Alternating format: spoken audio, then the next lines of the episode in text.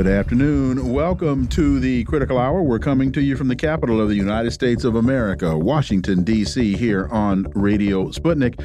I'm your host, political scientist, author, and nationally syndicated columnist, Dr. Wilmer Leon. I'm joined here by my co host, political analyst, Garland Nixon. Thank you, Wilmer. For the next two hours, we will explore and analyze the salient news stories that are impacting the global village in which we live.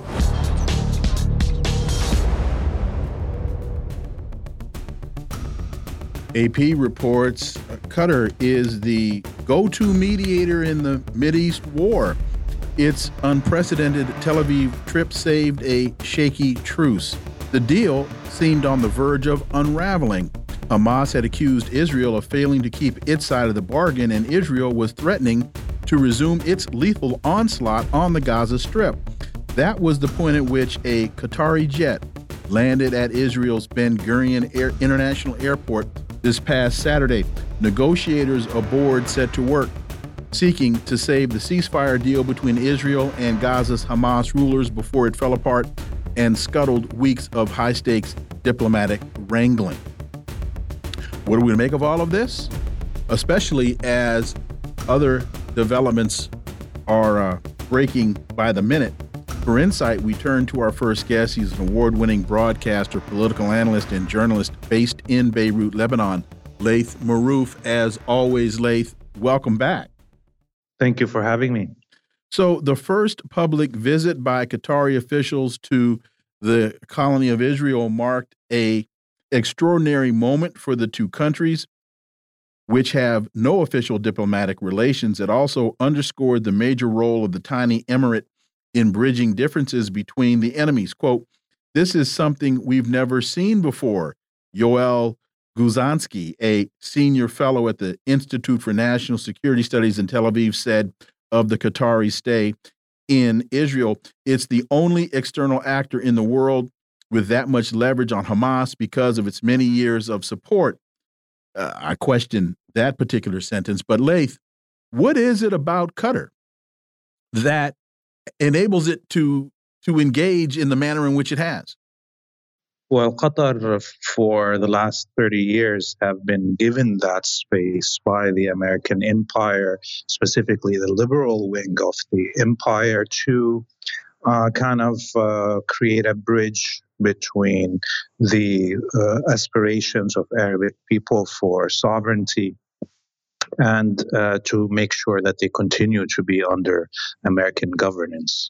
And so we saw how uh, Qatar played uh, the huge investments into the media with the creation of Al Jazeera that captured the Arab audience uh, at the beginning of the century and then used that audience to direct the imperial objectives of the quote unquote Arab Spring, uh, the uprisings that uh, the United States and Qatar pushed to create uh, change in those countries and bring in Muslim Brotherhood compliant uh, governments in Tunisia, uh, Egypt, Syria, Yemen, and that's that was the plan.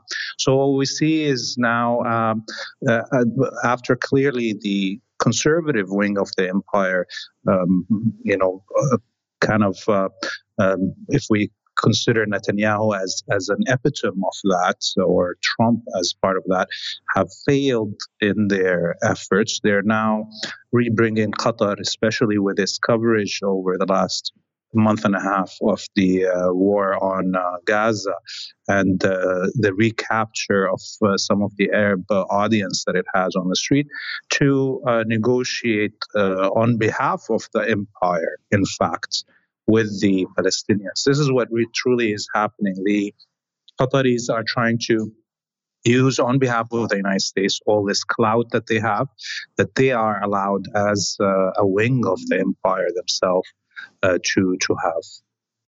Let me ask you this: one of the things that um, we noticed just um, just coming in here was a report that uh, Israel had said. Now, this was running on a U.S. Uh, uh, uh, station, so we don't, you know, we can't vouch for the veracity of it. But it said that the Israelis had agree, agreed to one extra day of truce for every 10 hostages or something like this. What are your thoughts on the truce as, as far as the extension of it? You know, Wilmer, uh, uh, uh Wilmer and I were discussing about how, you know, it's in a way, you know, the, Israel, the Israelis, you know, worldwide were just absolutely taking a thrashing, you know, as far as, uh, you know, public relations and um, people in the streets, et cetera.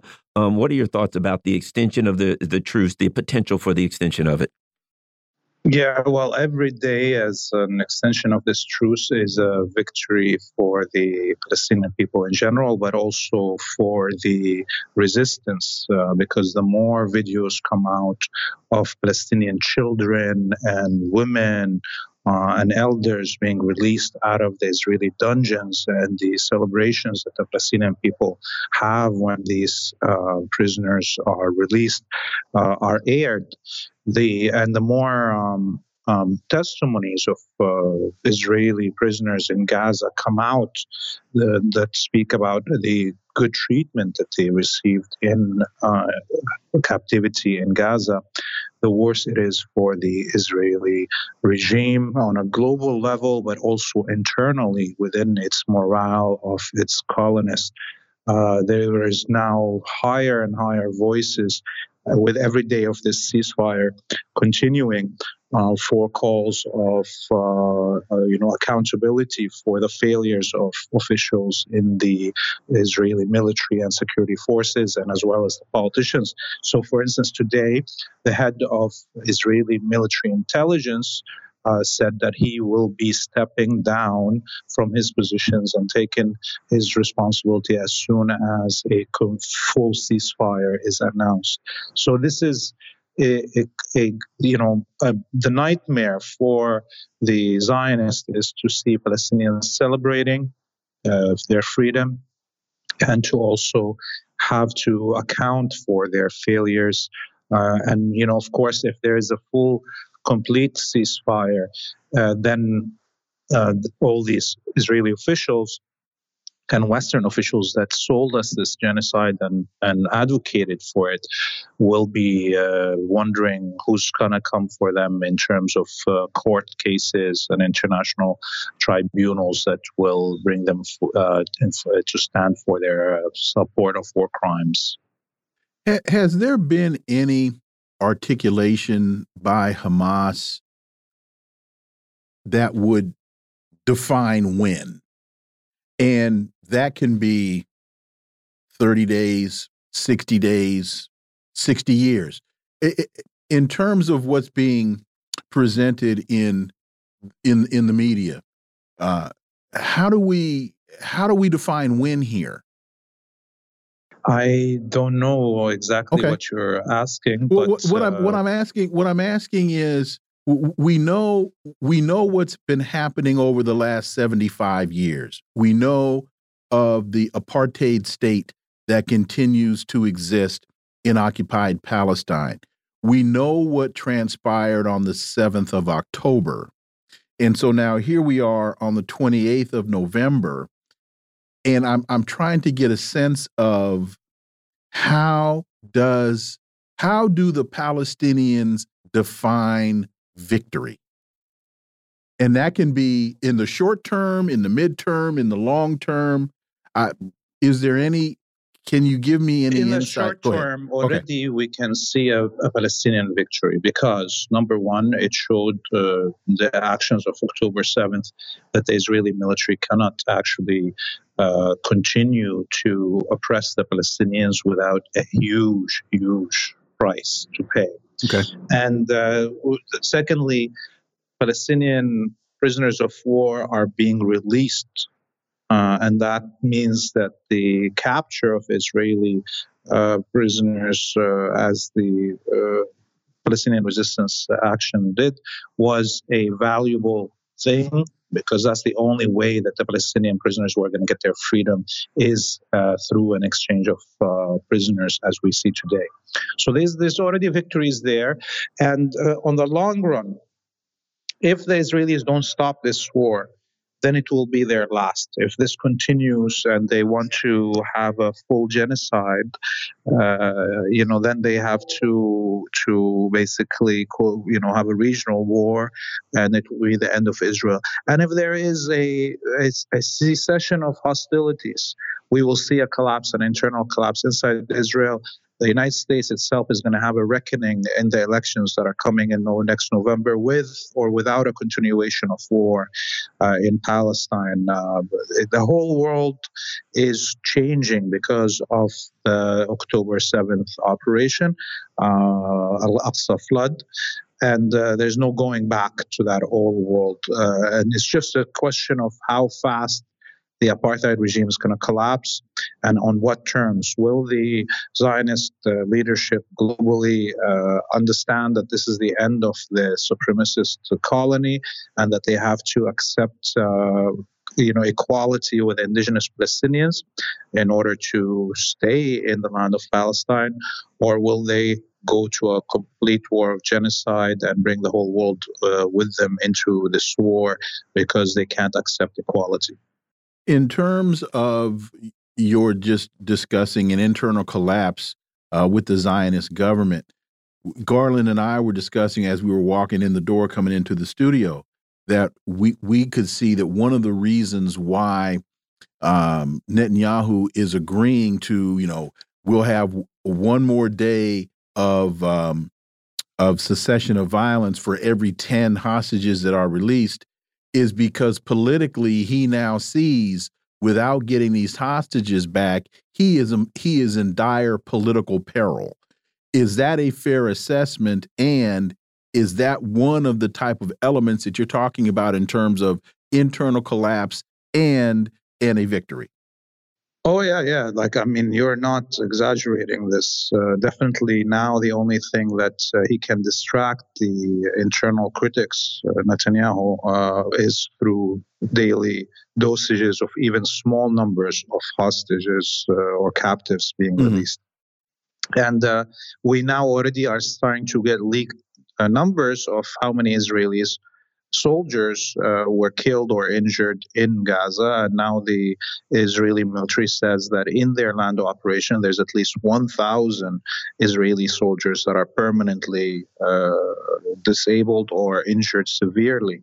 So you can imagine then what's the numbers of dead that they're still hiding uh, of Israeli soldiers. It's it's it's going to be a reckoning the minute that people start asking questions inside Israel, what really happened on the ground, um, and they see the reality of the failures of their military to uh, even capture such a small area as Gaza, that is uh, with with bombardment, uh, you know, double the amount of uh, nuclear devices of uh, Hiroshima being dropped on this small strip of land and not being able to win the war.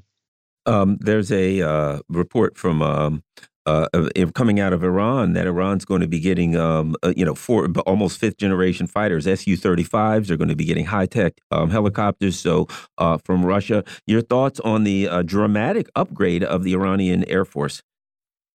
This is the clear response to this war that we see in Palestine uh, unfolding because you know, uh, Russia was held back. And of course, it's also a direct uh, result of the war in Ukraine, where Iran aided uh, Russia through uh, giving it all these uh, drones that uh, made the huge difference in the battlefield. And without the Iranian drone technology, the Russian military would have been in a much worse situation.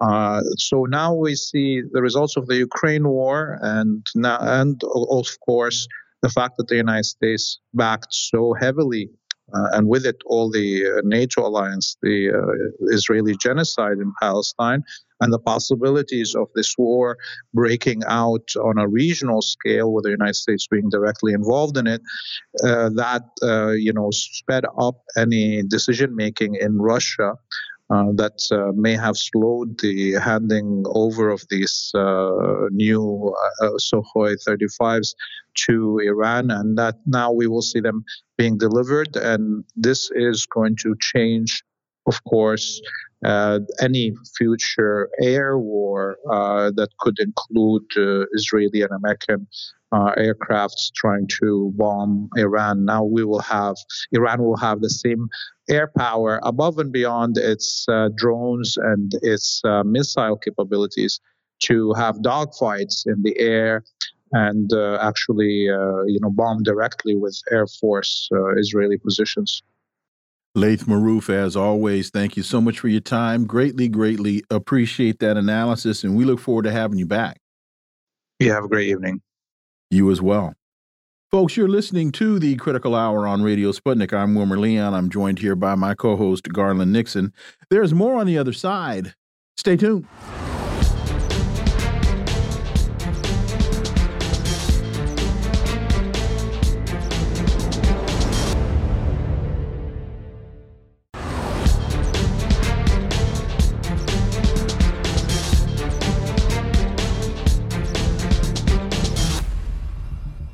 We are back, and you're listening to the Critical Hour on Radio Sputnik. I'm Wilmer Leon, joined here by my co host, Garland Nixon. Thank you, Wilmer. Antiwar.com reports U.S. denies it's pressuring Ukraine to negotiate with Russia. The German tabloid Bild reported that the U.S. and Germany are looking to nudge Ukraine toward the negotiating table. Is there any validity to this report? And here's another question if the United States is successful in pressuring Ukraine to the negotiating table, will there be anybody on the side to talk to? For insight, let's turn to our next guest. He's a Moscow based international relations and security analyst, Mark Sleboda. As always, Mark, welcome back. Dr. Leon Garland, thanks for having me. It's always an honor and a pleasure to be on the critical hour. So the report is, as U.S. Uh, a, a U.S. official has denied that the Biden administration is nudging Ukraine toward negotiations with Russia, saying it's up to T up to Kiev when to seek peace talks. This while Chuck Schumer, Senate Majority Leader, vowed in a letter to his colleagues to bring a bill to the Senate floor as soon as December 4th to fund military aid for Ukraine, Israel, and Taiwan. And Biden has requested the funding as part of his massive $105 billion spending package. So, a couple of things, Mark. One, it's being reported that the U.S. is pressuring Ukraine to negotiate. And uh, as I said in the open, if if the if that is true, and if that were successful, would there be anybody for Zelensky to talk to? And if the United States is pressuring for peace talks, why is Chuck Schumer trying to get more money to waste in Ukraine? Mark Sleboda. Yeah, I, I really don't understand all the hype around this story. This is a a un, thinly anonymously sourced story story in a German tabloid, right? Mm-hmm. Uh, w- with anonymous German officials claiming that that the um, uh, U.S. and Germany are deliberately sending or throttling the amount of arms that they are sending Ukraine uh, to um, uh, try to force it to negotiations. This is nonsense. um, the, the, the, the United States and Germany are having a decrease in the amount of military aid they're sending Ukraine because they're out of everything useful that they can send. They can't produce enough artillery shells. They can't produce enough air defense missiles. Their tanks are being burned on the Ukrainian steppe and they don't want to waste any more.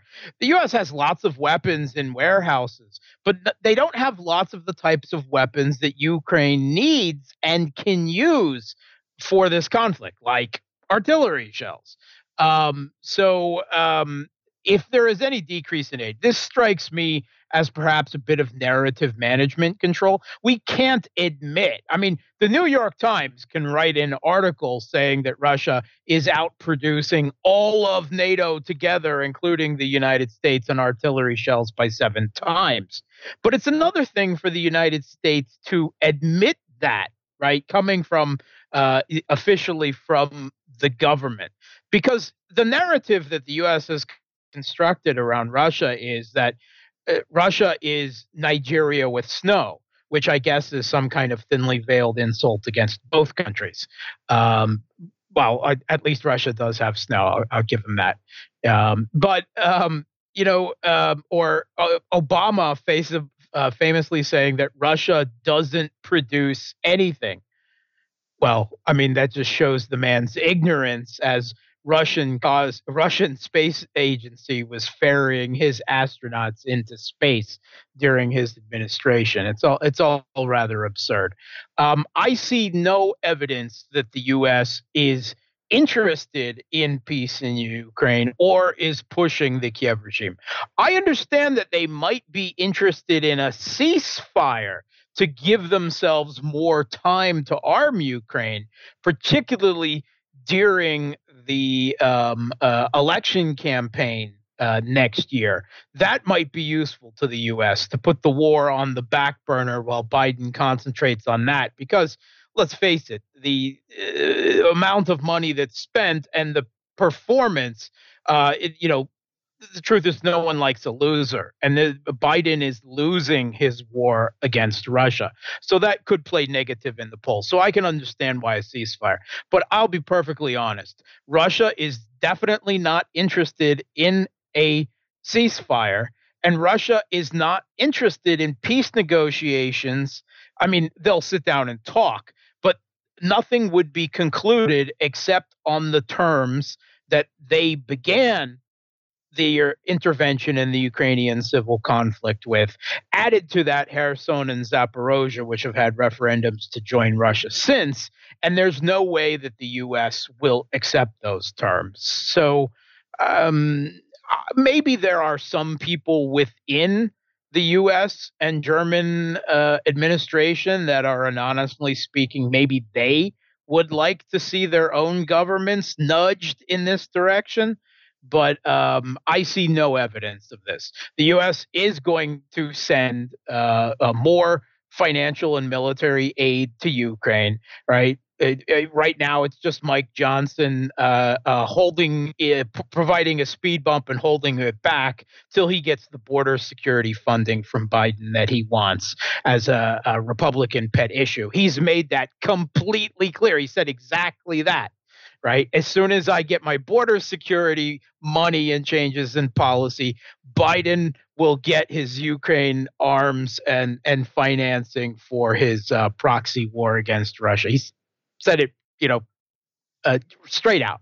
Uh, it is it is a leverage deal, um, and the Kiev regime is con- is uh, about to commence a massive new total mobilization campaign that could include 17 to 70 year olds and women. And they're also evidently privatizing their military recruitment campaign, I guess, so that Westerners can come in and force Ukrainian conscripts uh, literally into the grinder directly. No one is interested in peace negotiations on any side right now. And Mark, there's a fundamental hole in that entire premise. You would have to believe that Ukraine was in charge of anything to believe that the U.S. was pressuring Ukraine to do something. The fact of the matter is this this is not Ukraine's war. Ukraine is in charge of nothing. They make no decisions. They do what they're told. This is my opinion. So it, it, uh, Russia wouldn't even be technically negotiating with Ukraine. They'd be negotiating with Washington, D.C., because these are nothing but proxies. I keep saying all Ukraine is, it's like when a when when when a cat burglar breaks in, they put on a glove so that they won't leave any fingerprints on their crime. That's all Ukraine is for the U.S. neocons. Your thoughts? Well, that and and my and my the point I made in the open, which is about peace negotiations. I can only imagine the only thing right now that Russia is interested in is surrender. Yeah. Unconditional, Mark. Yeah, I, I, I have to say that um, I think that Biden would probably make a pretty incompetent cat burglar. I mean, at any given moment, he might forget what he's doing and just freeze in the middle of the act. He trip uh, and fall down yeah, the stairs. I, I, I agree that the the Kiev regime has very little agency, and what it has exercised only, uh, you know, Zelensky exercised, for instance. Um, uh, diverting uh, uh, the, the NATO trained uh, troops and arms uh, to in this failed attempt to hold on to and then retake Bakhmut. This infuriated the U.S. and all indications are that they intend to punish him and get someone more compliant like Zaluzhny in there, proving case in point the lack of agency exactly that you're describing. And the, your take on this uh, Sputnik story, you uh, no, actually the, the the the story that we talked about with Laith Marouf about Russia providing Iran with um, with with very current uh, military equipment, and let me add to that, duh, it is part of the calculus that the U.S. is the uh, does the Israeli Palestine conflict is that impacting the calculus that the U.S. is using related to how much military aid it sends to Ukraine? Okay, so uh, one thing I, I, I, heard the tail end of that conversation. Yes, Russia and Iran have an increasing level of new uh, military, technical, even strategic partnership.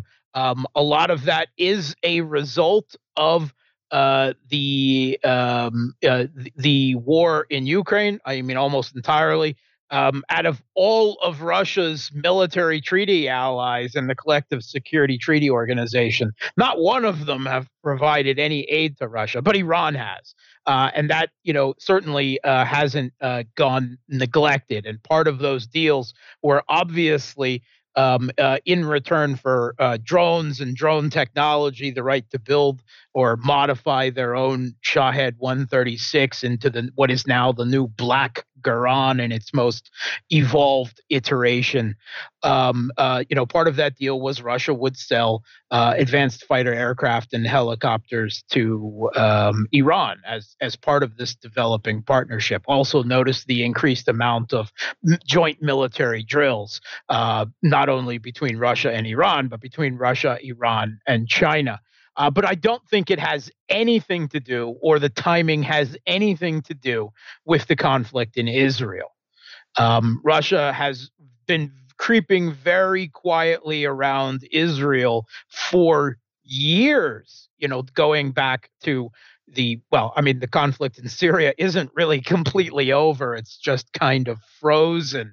But russia has uh, you know uh, had a deal with israel that uh, it will not allow the air defense systems it has given to the syrian government to be turned on as long as israel limits what they are targeting in syria to uh, direct what it says or direct security threats to it uh, specifically because Russia doesn't want a wider war against Israel and the United States, uh, uh, uh, you know, messing up everything that they have accomplished uh, in Syria, the, the, preservation of the government there.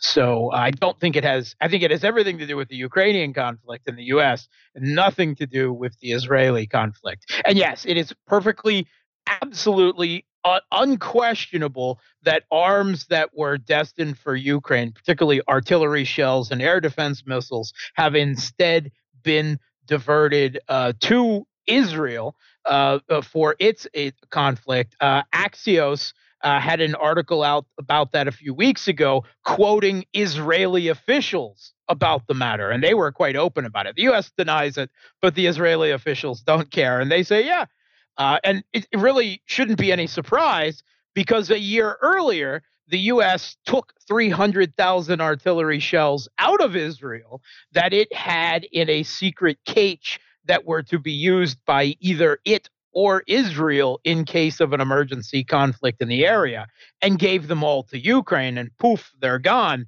Now mm. Israel's like, oh, now we have that emergency and we need those artillery shells back and that takes priority over Ukraine, which is why the Kiev regime is experiencing forces are experiencing extreme shell hunger on the battlefield and have almost entirely switched to doing the work previously done by artillery to FPV drones instead, which in many cases is a poor substitute. Mark Sleboda, as always, thank you so much for your time. Greatly, greatly appreciate that analysis, and we look forward to having you back. Thanks for having me. Folks, you're listening to the Critical Hour on Radio Sputnik. I'm Wilmer Leon. I'm joined here by my co host, Garland Nixon. There's more on the other side. Stay tuned.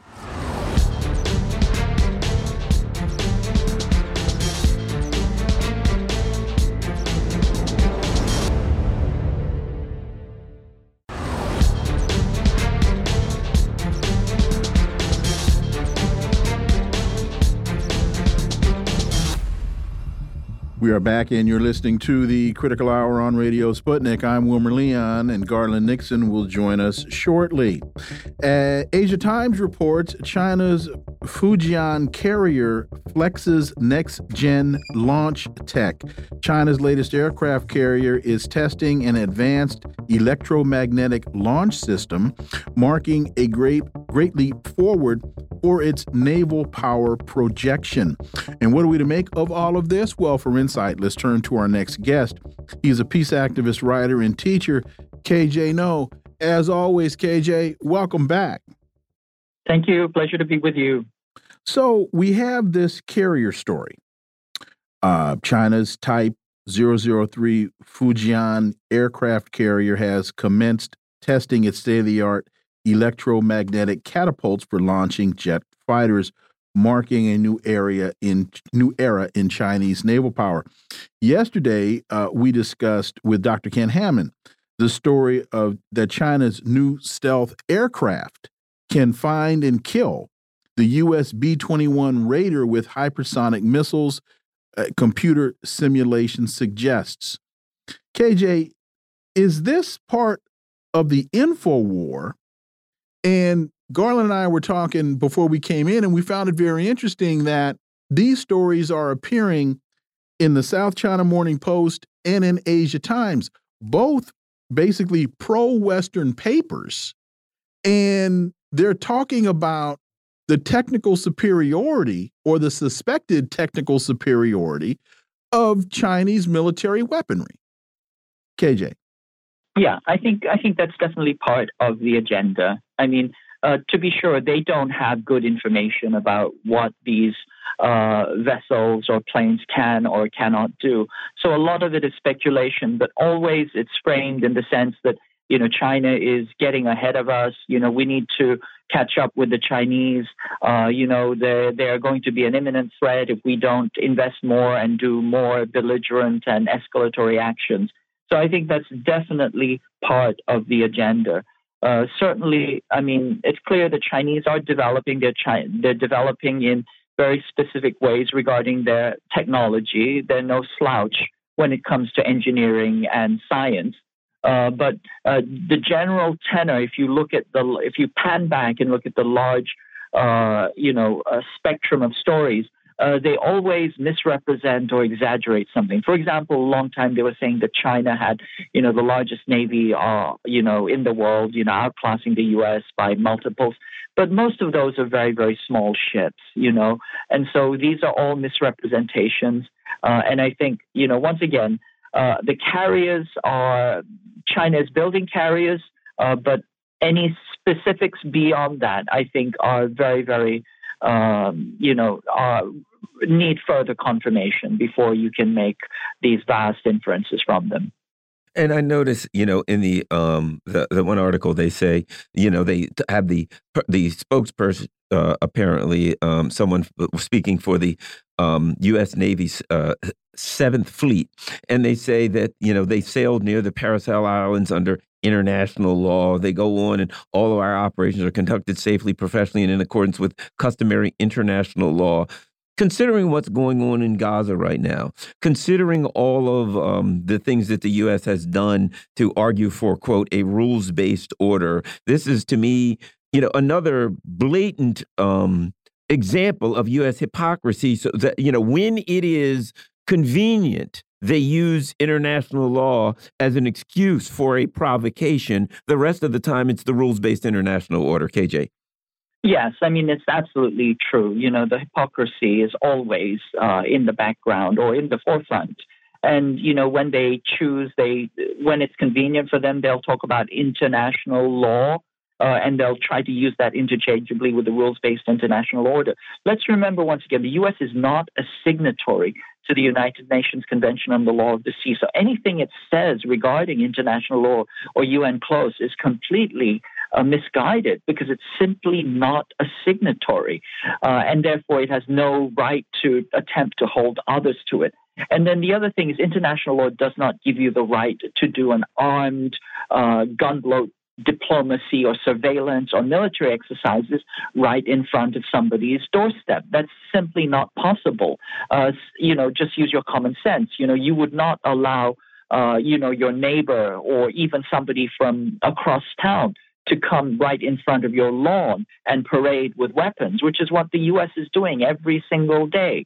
Uh, I mean, they claim this as, you know, uh, you know, they claim this as as as a right but it, just apply common sense to it. You do not have, you know, those rights to do that, and they're very, very threatening. And China doesn't want it, and they would like a restraining order. Except there is no such thing as an international restraining order, and so the best, second best thing is for them to shadow these uh, threats and and see if they can dissuade them.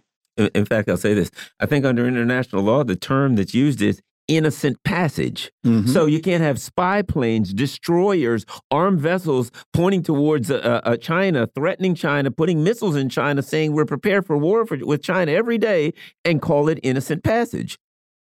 Absolutely, yes. You're supposed to get expedited innocent passage. You're not. You're, you're essentially going from point A to point B. That's all you're doing. You're not allowed to parade. You're not allowed to show arms. You're not allowed to threaten, surveil, etc. But the U.S. does this routinely, and it claims this as as its right, and that's very, very escalatory and dangerous. Asia Times reports Argentina's Milei wants no more secret deals with China. New right wing leader has blamed China for Argentina's worsening debt problem, but his radical dollarization plan will likely flop. Uh, there are a number of things that have been said about President-elect Milei, and that basically the, he's a he's a, a Trumpian uh, uh, president, and that he's basically uh, parroting and and and he's a, a puppet for U.S. interests. Uh, your thoughts, KJ? Well, I mean, I think he's clearly strongly aligned with the United States, and anybody who's strongly aligned with the United States either started out as a puppet or essentially ends up as one. Uh, I think that certainly his ideas are off the charts, uh, you know, uh, irrational, uh, to put it kindly. Uh, I think that when people speak of him as the madman, I don't think they're that far wrong. He wants to dollarize the economy, which uh, I think is simply inconceivable and impossible, simply because they don't have enough uh, dollars to even, uh, you know, begin to do that process. And as for breaking ties with China, I mean, I wish them good luck because, you know, China is one of the few countries that's helping it stay afloat. Uh, and if it cuts, uh, uh, you know, its relations with China, it's going to lose massive amounts of. Uh, uh, you know, exports. It's not going to be able to import at a reasonable cost many of the thing, consumer goods that it needs, and its economy, which is already in the tank. What uh, you know, a hun- over 150 percent inflation is going to get even worse. I would I would call him a Scholzian guy in that, and here's what I mean. He's looking to destroy his own economy, just like you know, he's he reminds me very much of the vassals in Europe, who when the US says, Yeah, we don't like uh, Russia, so destroy your own economy so you can do what we want to, you know, uh, uh, bring up uh, you know, create bad relations. So now he's basically saying, I'm gonna destroy my economy. In fact, let me say this it's the IMF loans, it's US loans that have wiping out Argentina. So he's saying the very country that has driven us into poverty, we're going to go into their bosom and avoid the, the, the, the, the country that's actually helped us out just because the U.S. Uh, empire wants him to do it. And, and the U.S. loan issue seems to me to make sense along with the dollarization issue. KJ. You're absolutely correct. Okay, so this dollarization would put them further under the U.S. yoke, and therefore you can see that you know vassalization becoming very, very concrete. But I absolutely agree with you. He is a Scholzian character. He's uh, surrendering sovereignty. All of his ideas are either far fetched uh, or uh, sheer sheer you know insanity. Uh, and yet uh, the fundamental uh, I think uh, design uh, that he will ultimately end up doing is, as you point out, just as Scholz has destroyed the German economy, I think that uh, Milei will destroy uh, what's left of the Argentinian economy and render it uh, something like Haiti or Libya, essentially a completely failed state, uh, open to the ravages of Western capital, of U.S. capital, and therefore, you know, no longer, you know, a functioning member of the BRICS, which it's going, it looks like it's going to drop out of, and uh, just a, a complete, uh, you know, failed state of chaos which is essentially one of the backup plans that the empire of chaos has for countries uh, in the global south. And as you mentioned that, as we, we got about a minute and a half, I, I, just when you were mentioning that, I said to myself, and that's exactly chaos is exactly what the United States wants in the region. And so, what do you think that does as it relates to Argentina's position in the region? Um, well, I think it's going to make it very, very weak. Uh, but it's also going to prevent it from joining with Brazil or with China or any of the other BRICS and creating a, a, a legitimate uh, counterbalance to, to the United States uh, in the Americas. And I think the U.S. is perfectly happy to see that happen. If they can't uh, force it uh, directly under its thumb, they're very happy to see it devolve into total chaos. KJ Noh, as always, thank you so much for your time. Greatly, greatly appreciate that analysis. And we look forward to having you back. Thank you. Always a pleasure. Folks, you are listening to the Critical Hour on Radio Sputnik. I'm Wilmer Leon. I'm joined here by my co host, Garland Nixon. There's more on the other side. Stay tuned.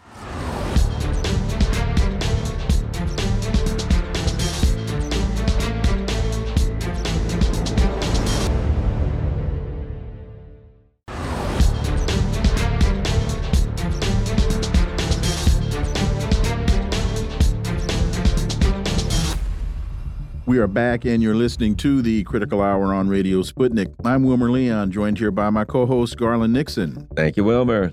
Consortium News has a piece by Patrick Lawrence entitled Media's Fatal Compromises.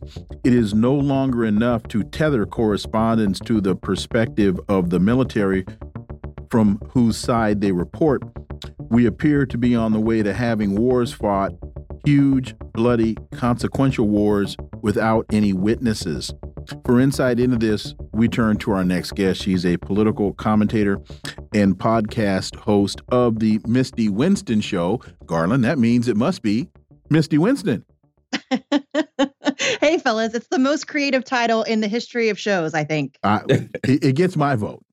uh, the piece continues the practice of quote unquote embedding, which requires correspondents to report in war and conflict zones as part of a given military unit, struck Patrick Lawrence as a repellent compromise with power as soon as American media began accepting this unacceptable practice.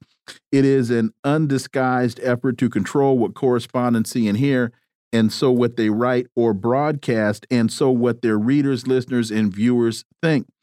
Misty, I am old enough to remember the nightly news coverage of the Vietnam War.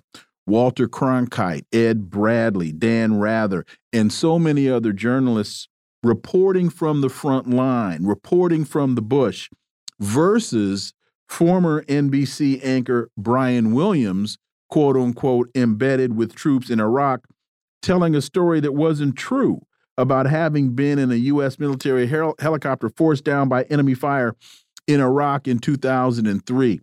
The whole dynamic of journalism and this type of reporting has changed and not for the better. Misty Winston.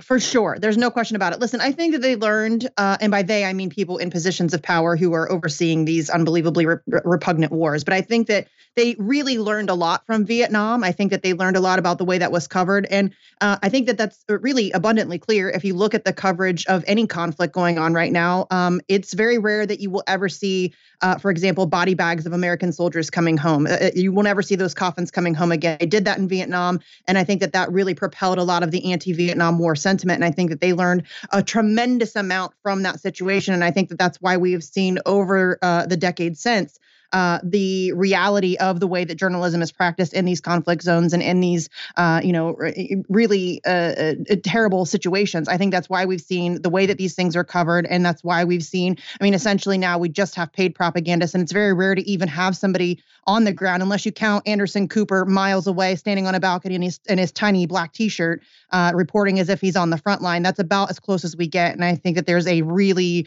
there's a, a, very obvious reason for that. You know, I, I recall Misty um, listening to uh, Vijay Prashad talk about um, during the Trump administration when they dropped that uh, mother of all bombs in Afghanistan. And uh, the uh, there was a reporter from the Washington Post, eh, you know, talking about it, saying, "Okay, you know, no villages were hurt, blah blah blah," and they talked about it. And uh, I believe it was him or someone in the audience kept asking him, "Okay, how do we know that? How do we know that? How do we know that?" And finally, they admitted, "Well, th we got this information from the Pentagon." Um, Wilmer and I, we just came in and we before we, you know, we are watching the news uh, on on these local channels, and we saw Fox News IDF. It would have IDF information, IDF information coming up next. Pentagon briefing. So, what we seem to get in mainstream news now is simply a reiteration of the latest press release from the Pentagon or, you know, the, the, the military itself.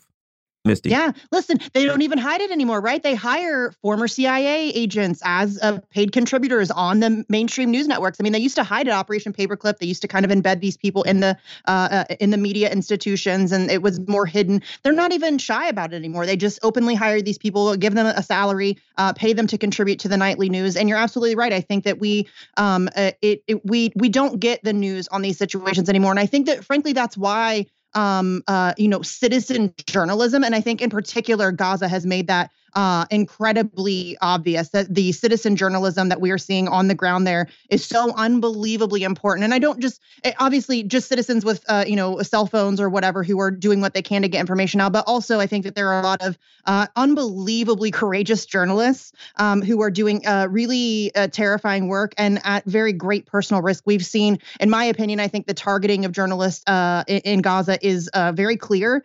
Um, I think that there's, uh, it, depending on what sources you look at, anywhere from 48 to over 60 journalists who have been killed, and that is along with some of their families. Um, and so uh, there's a lot of people on the ground doing really important work. And I think that uh, I think that that's why we see, frankly, I think that's why part of the reason why we're seeing legacy media die because people realize that they cannot trust them, uh, that they are just getting propaganda when they turn on the nightly news. And I think that that is a huge part of why people. Uh, that's why we see such a, a monumental distrust in those uh, networks and to present it from the other side. And again, going back to the Vietnam coverage, again, I remember sitting in the kitchen at dinner, the television was on, we're watching coverage, and they were presenting the body count as though you were watching a baseball game. It would be the United States lost so many today, the Viet Cong lost so many today. And what's what what people really need to understand is the impact that that coverage eventually had on American sentiment. And it, it contributed greatly to the the turnaround, the lack of the the, the losing of support uh, for the war and the war funding as people saw this senseless conflict in the United States getting whipped on its TV screen every night. Yeah, for sure, and I think that that's uh, a huge part of the reason why we are seeing uh, there. There's a desperate attempt to control the narrative coming out of Gaza. I think that if we were to see a situation like that, where they're throwing up the death count on the TV screen every night, uh, support for Israel would be over. It would be over. There would be no support for Israel at this point. I think, especially when people were uh, seeing, and I mean, frankly, they don't even have accurate uh, death tolls. I know President Biden tried to claim that the Gaza Health Ministry's numbers are not to be trusted. They are historically incredibly accurate when these conflicts flare up. But frankly, I think that it's incredibly underreported. There are thousands of people underneath rebel, um, and so it's and also because they've shut down the communication systems, it's difficult for uh, different seg- uh, different sectors of Gaza to report to the central uh, uh, whoever the central agency is that's taking uh, care of those numbers. Um, so I think it's highly underreported. And I think if we were to see a death toll pop up on the nightly news news every single night. I think that uh, that this the, the United States support the United States population support now, not obviously the government. I think that they would very clearly the Biden administration, all of them would very clearly still support Israel. But I think the average American uh, person would uh, turn around any support that they had for Israel instantaneously. Here we have a, another example, the Washington Post of, as they say, where the head goes, the body will follow. In Alabama, another small town paper hit in open season on free press. We see a small town newspaper. Someone gave them, you know, the um, uh, the results of a grand jury hearing of what happened in the back. They, so they they they got some information. They printed it. Next thing you know, they're getting locked up. And what I mean is, when I say where the head goes, the body will follow. When the people in these small towns see the Assange case and they say, well, if the US government sees somebody print something they don't like, they grab them. Hey, they printed something we don't like in our little county. Guess what? We're going to do the same. I believe these things are directly related. Your thoughts, Misty?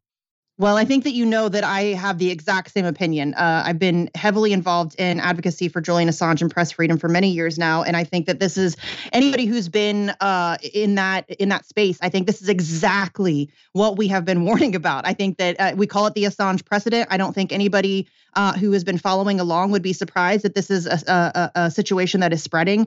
Um, uh, we're seeing a, a very in various different ways the Assange situation is impacting us, whether it's uh, censorship, surveillance, or you see a situation like this. And I think that what people need to be very uh, mindful of is that this is a drastic overreach. I mean, this is um, a, a, journalist and a publisher uh, at this tiny newspaper, and uh, they broke no laws. Now, if you are somebody who is affiliated with that grand jury, if you are a member of whatever, if you're you know inside that kind of inner uh, uh, inner sanctum, you're not supposed to release information. But they're not the leaker, they're not the whistleblower. This is just the journalist and the publisher who was given information within public interest and did their job, which is to publish it. And so the idea that there's this kind of government overreach where we are now arresting journalists for doing journalism. Uh, I think that everybody should be uh, like really, really, really concerned about that. Uh, it's uh, it's essentially criminalizing the truth, and I think that that is something that we're going to uh, continue to see to get worse, unfortunately.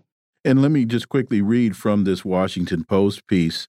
The arrests of the publisher and the reporter shocked legal scholars and press advocates who say it's a violation of the First Amendment to prosecute a newspaper for reporting the news.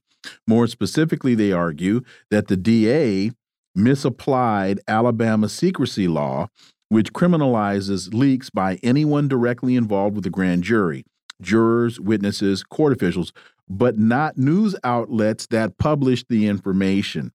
And it would have been nice if in this piece, Julian Assange's name would have appeared as a corollary to uh, what's what's happening here in Alabama.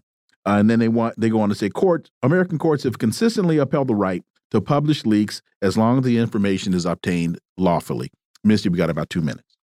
Yeah, I mean, I wish that they would have mentioned Julian Assange as well. I think it is a very obvious connection to make. It's not surprising that the Washington Post did not mention Julian Assange, which is a very strange thing to me, given that they um, uh, are, are, also responsible for publishing the same information that Julian Assange did. And if they can arrest Julian Assange, certainly they can arrest the Washington Post and its reporters as well. Not that they will, because the Washington Post is, uh, you know, establishment friendly and goes along to get along, and uh, you know they kind of play the game. But yeah, it's really unfortunate that they did not make this connection in this article. But I think um, it's you know that just makes it incumbent upon us as free speech and press freedom activists to make that connection for people um, and to uh, you know kind of uh, uh, I don't know, just connect those dots so that people can understand that the Julian Assange situation is so much more than just this one case about this one guy who released information about war crimes. This really does open Pandora's box. And once we lose these rights, I don't think we get them back. You know, Wilmer, and I think uh, the the point Misty's making here is a very important also, and that is this: the the Washington the people at the Washington Post are not afraid that they'll be held to the standards of Julian Assange because let's face it they probably got like it wouldn't shock me if there's a a CIA either a hotline or like a CIA you know assigned directly to the Washington Post with a with a desk and a break room themselves. They're not really concerned because they're not going to print anything that they're not told to print. Hence Ken Dilanian yes. I think is the name that would that, that comes to mind when you mention that type of that type of behavior. Misty. Yeah, no, I think that that's a great connection to make. And uh, unfortunately, he's not the only one. There's lots of them. He just happens to be one of the most well known situations. But yeah, that's exactly what I was trying to say, Garland. The Washington Post has uh, the CIA on speed dial. Um, they regurgitate whatever is handed to them. They are in no uh, danger whatsoever of being held responsible uh, because they don't publish anything without permission. And so, uh, despite the fact that they were one of the publishing partners with WikiLeaks, um, uh, I think that they recognize that there's no way that they're going to be held accountable for anything that they're doing because uh, they are uh, playing the game. And so, it sucks to see them leave one of their own. Well, frankly, he's not one of their own. No, he's yeah. far better than they will ever be. Um, but yeah, I mean, this really does impact the future of journalism for everyone, and it's unfortunate when people aren't uh, uh, willing to make that connection. Misty Winston, as always, thank you so much for your time. Greatly, greatly appreciate that analysis. And we look forward to having you back. Anytime, fellas. Thanks for having me. Folks, you're listening to the Critical Hour on Radio Sputnik. I'm Wilmer Leon. I'm joined here by my co host, Garland Nixon. There's another hour on the other side.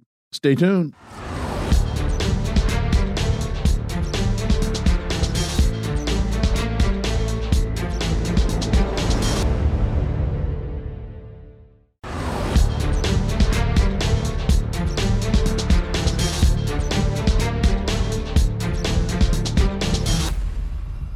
We are back, and you're listening to the Critical Hour on Radio Sputnik. I'm Wilmer Leon, joined here by my co host, Garland Nixon. Thank you, Wilmer. ScheerPost reports Supreme Court to consider giving First Amendment protections to social media posts.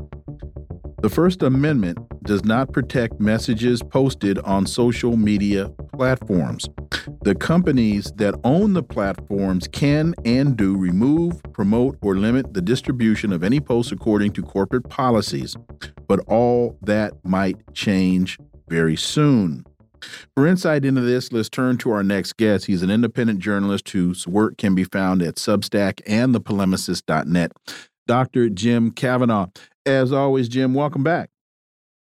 Thank you, gentlemen. Thank you for having me.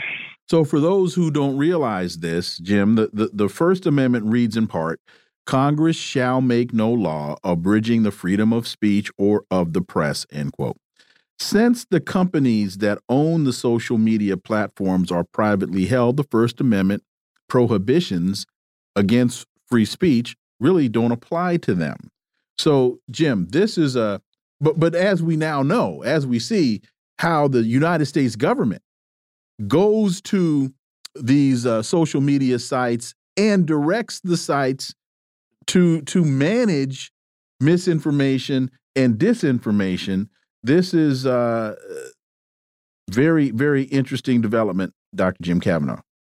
Yes, that's the, that's the issue in one of these cases that they're talking about in this article, the Missouri versus Biden case, which is essentially saying, okay, the the, uh, the platforms have the right to moderate content, but in fact, what's been happening is the government has been using the platforms and forcing them essentially forcing them and browbeating them to moderate the content in the way they, the government, wants, and in a way that's just in order to protect their own narratives about things.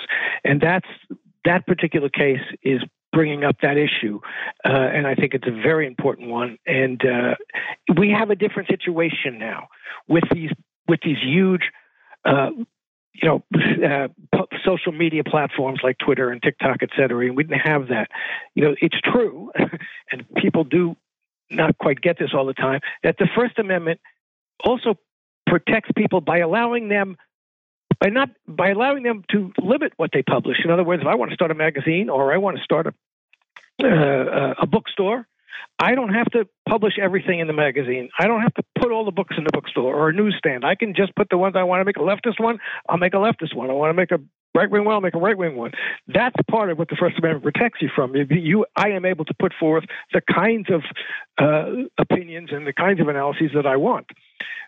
But the government cannot come in and and, and, tell you, well, you can't do this or you can't do that because we don't like this this content versus that content. And with you ha- and when you have these huge social media platforms, if they are something else, then uh, uh, uh, you know, a bookstore or a newspaper. They're places where people can kind of go in and publish themselves, publish on their own, publish on their own behalf.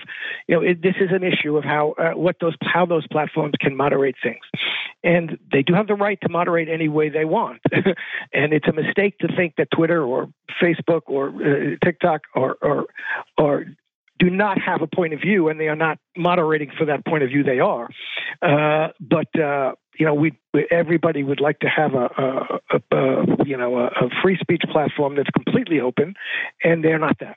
Uh, but the issue here, there's different issues in different in, in these different in, in these different uh, uh, um, cases. One of them is about whether public officials, presumably in their official accounts, can block constituents from commenting or from seeing their accounts. And the other is the Missouri versus Biden, which is the other thing about whether or not the, government is actually using the, the, the, the social media platforms on its on their on the government's own behalf to limit speech based on political content.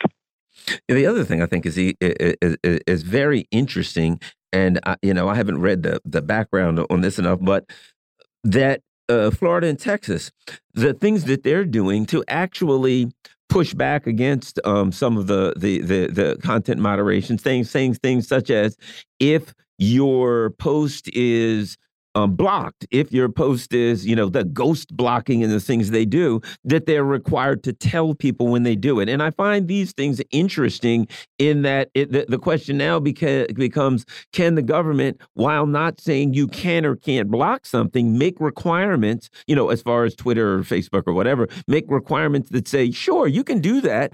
The law clearly says you can moderate. But in this state, if you moderate, you have to notify people, et cetera. And is that you know, is that even a First Amendment issue? Anyway, your thoughts on that?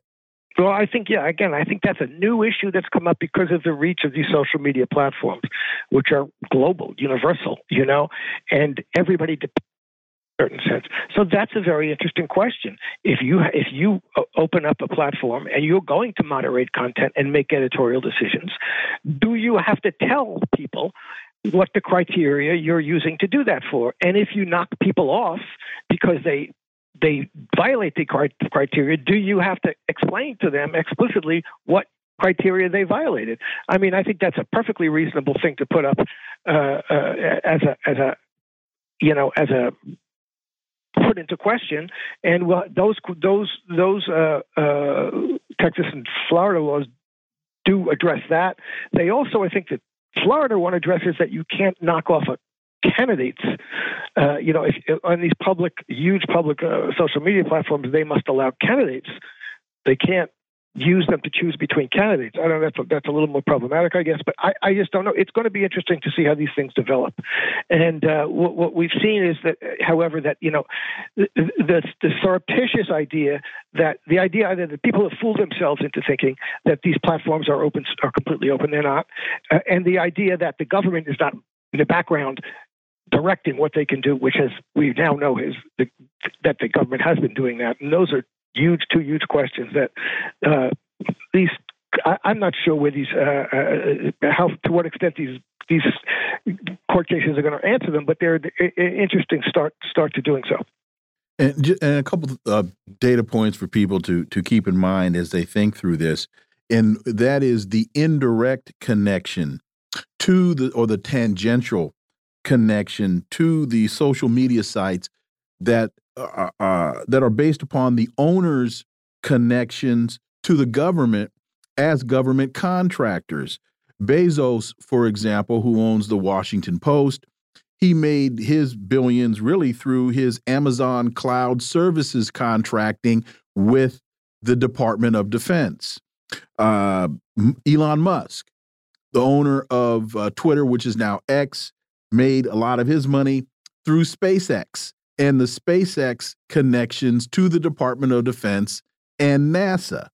So even so one can only assume that when the that when the government knocks on Jeff Bezos's door and wants to talk about what's happening uh, through with the Washington Post, for example, whether it's a direct statement or whether it is an inference or whether it is just an assumption of Bezos, he's got to be thinking, oh, I don't want to jeopardize my uh, my my standing contracts that I have with the Department of Defense. And final point on this whole thing, TikTok and all of this discussion that the United States has about TikTok is a threat. What needs to be understood is that TikTok's data is housed in the United States on servers that are owned by Oracle. So the Chinese government, as I understand it, doesn't even have access to the TikTok data because it doesn't have access to the Oracle servers that the data is housed on. Jim Kavanagh. Yeah, and if they do, if the Chinese government does, the United States government certainly does. you know, if, if, it's on Oracle servers in the United States, uh, uh, and they can they can subpoena that secretly. Uh, but yeah, you know, it's it's always it struck me when they first started calling, uh, you you know, uh, who's the Facebook guy, uh, uh, Zuckerberg. Zuckerberg on uh, before the Congress, and you know, I, I said, you know, the first thing you can say if you're Zuckerberg, or theoretically, the first thing you can say, and it, it, uh, in theory, the first thing you can say is when Congress calls you, well, that's very nice. I'm, I'm interested. I, I, I've heard your opinion on this. Uh, directly into the phone. Yeah, we can't. We, we lost you. Make sure your mouth is on the mic. It's uh, theoretically, you know, what Bezos, what uh, Elon or uh, Zuckerberg could say to the Congress is, well, um, it's interesting to hear what you think about this, but we're going to do what we want. We're a private organization, and we're going to make decisions the way we want them to, not the way you want us to. So, but they don't do that, and the reason is, as you said, uh, uh, Wilmer, it's because they have contracts. They, they're huge government contracts, and they're beholden to the government. And they're afraid because the government threatens them. We're going to take away your 230 exemption, Section 230 exemption, et cetera. They get browbeaten by the government either browbeaten or bribed by the government to do what the government uh, the government wants. So the, theoretically, if you look at the theory of this, okay, we're private organizations, we can make decisions. So you should tell that to the Congress. I'm I'm sorry, but I, you know I'm coming here to listen to what you want to say, but I I don't have to tell you how and why I'm going to do my my contract moderation, my editorial judgment. That's my editorial judgment. So bye bye. It's that they don't do that, and that's the reason why, as you said, Wilmer if you will recall, and, and, and, there was um, a so called Facebook book whistleblower that on a Sunday night went on 60 Minutes and blasted um, Facebook. The next day, Facebook completely went down in, in a way that people said, well, gee, only a state actor would have the kind of power to take Facebook down. Within hours after the so called whistleblower went on 60 Minutes, articles appeared in every major media uh, outlet attacking Facebook. We then find that the so called whistleblower was being represented by uh, organizations that were directly tied to intelligence. They ripped Facebook a new one and then suddenly Facebook seemed to do a, an about face, and, and, you know, all of a sudden everything was being um, moderated on Facebook. It almost seems to me like they took a baseball bat to Facebook and said, "Look, you know, kind of like when the mafia sends somebody over, rush up a little bit and says, "Don't make me have to send the gorilla back next time. It ain't going to be so pretty." Jim either your brains or your signature will be on the contract, according to Luca Brasi. Could that be why they don't go to uh, Congress and say, "Hey, take a hike"? That's exactly right. You know, it was it was interesting. I remember that when they first brought uh, Zuckerberg in, I was saying that, but it went quickly downhill after that, and uh, and you know they have the power to intimidate people. Look, it's what governments do, and they are doing it. And uh, and some of them, you know, uh, they're also intimidated by other forces. Let's not forget by by by the by the billionaires who own them. First of all, who have their own uh, agendas. You know, we're seeing this with Zucker with uh, Elon Musk now, you know, what you can and can't say about Palestine, uh, Mr. Free Speech, and uh, and they know they're going to get, you know, it, it, it, with, Elon Musk, it goes both ways. He he was being intimidated by uh, AIPAC and all the money that AIPAC represents, trying to get rid of his advertisers, et cetera. So there are a lot of forces at here at play here. There's the forces of wealth and there's the forces of government power, often aligned. And this is why, you know, the social media platforms are very ambiguously, at best, free speech platforms.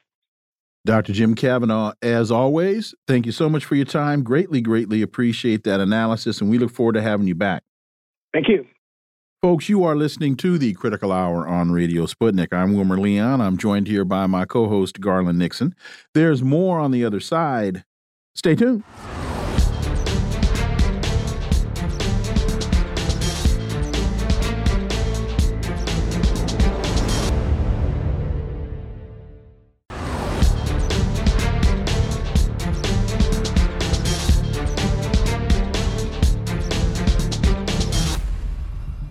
We are back, and you're listening to the Critical Hour on Radio Sputnik. I'm Wilmer Leon, joined here by my co host, Garland Nixon. Thank you, Wilmer.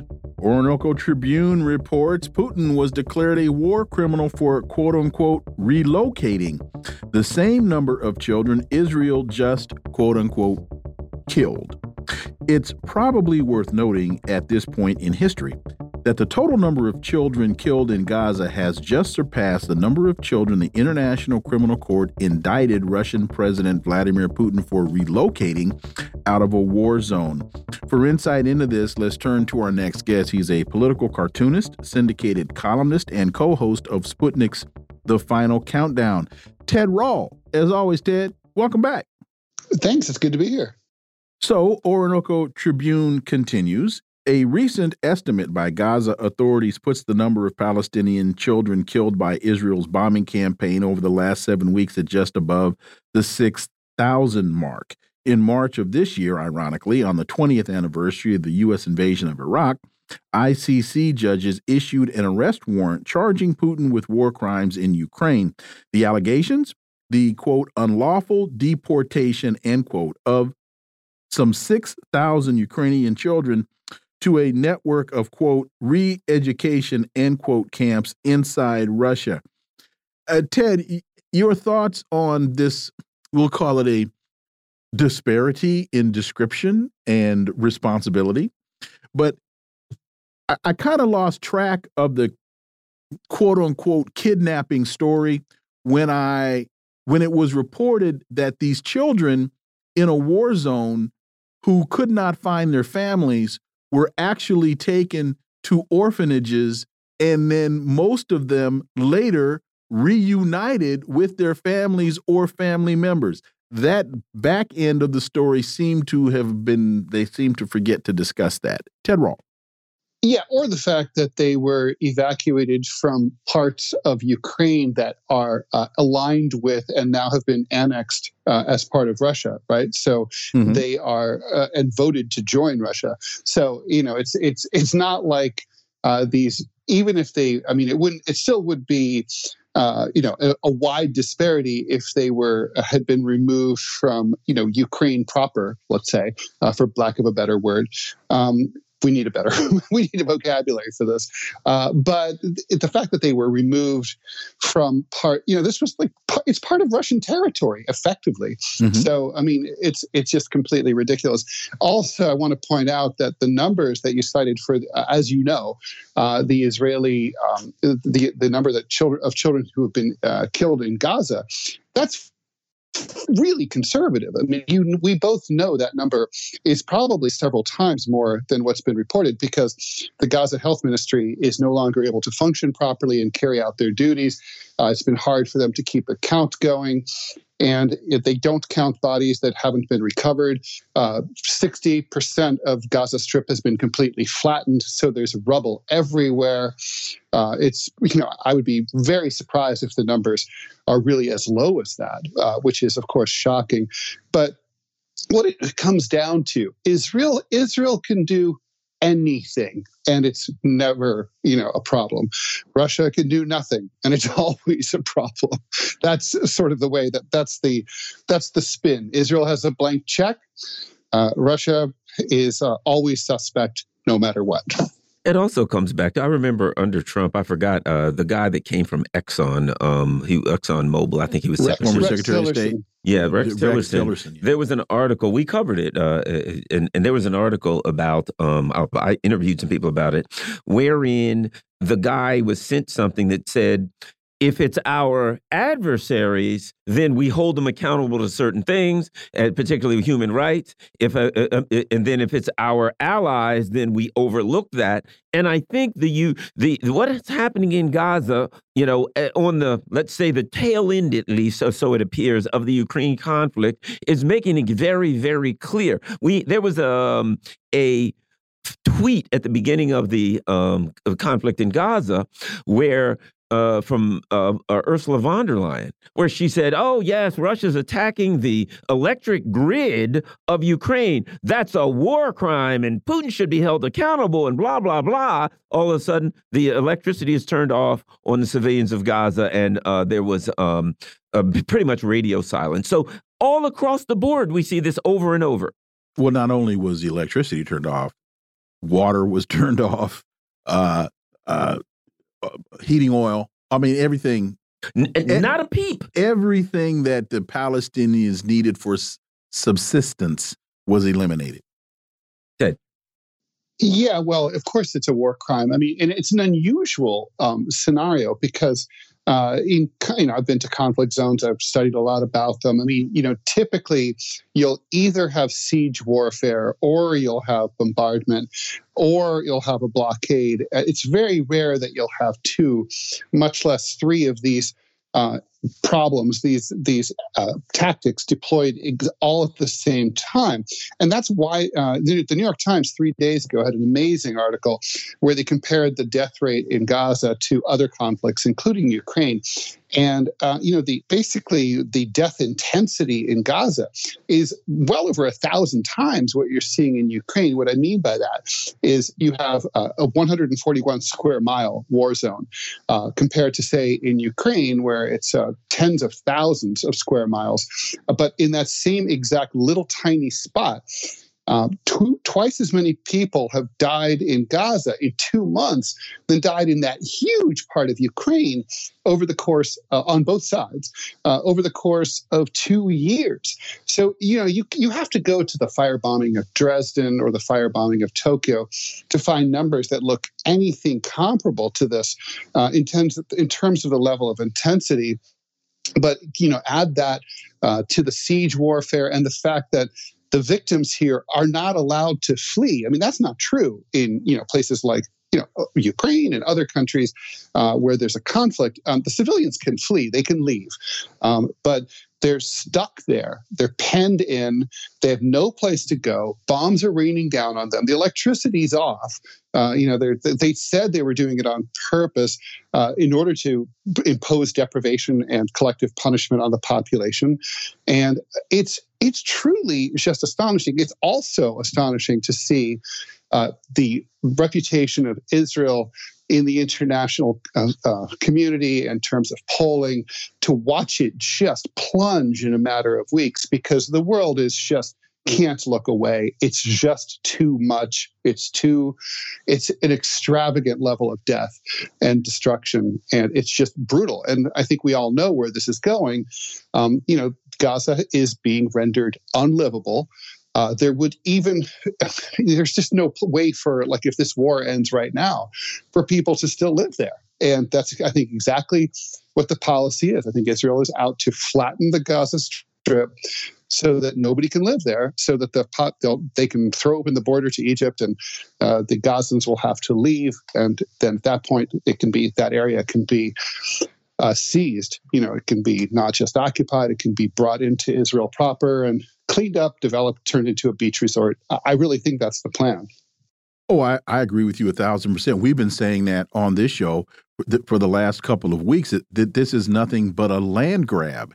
And I remember about two weeks ago listening to a member of the uh, Israeli Knesset who was chastising um, surrounding uh, countries for not taking in more Palestinian refugees. And listening to him just to me I, I, said when i heard him i said oh so really all you're trying to do is as a settler colonial state will do is remove the indigenous occupants so that you then have that space for yourself there, are a couple of other points here uh, one you you talked about people in the ukraine are allowed to flee that is true unless you are male between the ages of 17 and 70 because of forced military conscription. So they they have to stay because I, I guess the Russians need targets and Ukrainians are going to provide them. Um, the other thing is, you know, you talked about the decimation of the Gaza Strip, and one of the rationales that is used is Israel has the right to defend itself. But according to international law, that isn't true because Israel is the aggressor slash oppressor in the conflict, and the oppressor does not have, based on international law, the right to defend itself from the resistance of those that are being oppressed. And final point as there is this uh, exchange of individuals that have been taken, and you keep hearing about women and children being released from Israeli prisons, I don't hear anybody asking the question why are these women why were these women and children imprisoned in Israel in the first place? I, I don't hear anybody asking yeah, well, that question. The answer to that is, of course, that Israel had thousands of hostages before Hamas seized 240 hostages themselves. Not that that was okay, but that's the answer to that question. I think also worth noting under international law is the fact that uh, as far as, as uh, in the UN and other international bodies are concerned, uh, Israel is essentially bombing its own territory, right? Because it's uh, this is a, this is a an act of genocide or at least very severe ethnic cleansing within their because they control the, the, the both the West Bank and Gaza, so they control it. So basically, what they've done is effectively they've penned an ethnic minority uh, into artificially into a section of historical Palestine. Well, wait a minute, I don't think off, they're a minority. And then they're just killing them. Uh, there, there are Yeah, more of them than there are right? Israelis. They're half the country. They're Right. half, yeah, they're half the country, right? Yeah. That's that's true. It's like Okay. 9.1 million as opposed to 9.6 million Jews. So, um, yeah, no. So it's a uh, it, it's it's but it's like they're effectively bombing their own territory, which also is, is you're not allowed to do because you're not defending yourself. It would be like if the U.S. suddenly started bombing one of its own, let's say, you know, Puerto Rico, which it controls and you know arguably oppresses. Some people would say, but we, we're not allowed to do that. It's like it's, it's. I guess I guess we did that in Philadelphia once, but we're Right. not supposed to do that. Here's the other thing, Ted. And it's Okay. just bad for business. Yeah. Well, here, uh, uh, now here, here's the other thing. So they filed this complaint against President Putin for moving uh, these children out of a war zone without one single complaint from the parents. No, no parent went and said, "Hey, they're moving my children out of a war zone. I'd rather leave them here where they can, you know, catch some bombs." So in this instance, no complaints against parents, no complaints. The U.S. took it upon themselves to say they shouldn't move these children. You should leave them in a war zone where they're safe, if that makes any sense. But in this instance, the entire world is screaming about um, what's going on in Gaza. Uh, no, uh, no international court, nothing like that. Apparently, where you can only go after a person for war crimes when you don't have a complainant. Ted, And, and again, I got to reiterate nobody's asking the question what were these women and children doing incarcerated without charge and tortured in the first place? well, add this: nobody asked the question about uh, the ones in uh, Ukraine. They just made it up. No, no, no complainant. Ted. No, that's true. Like, let's face it, if there was even a single Ukrainian parent who was upset about this, uh, you can be guaranteed that they would have been trotted out over and over and over on uh, CNN and other networks. That that has not happened. So if it, you know, it's like uh, uh, it, it is a, it is absurd. You know, the, the definition of integrity is doing the is applying the same rules consistently uh, to your enemies and your friends, no matter what, and doing the right thing even when it's disadvantageous to yourself obviously integrity is not part of any of this.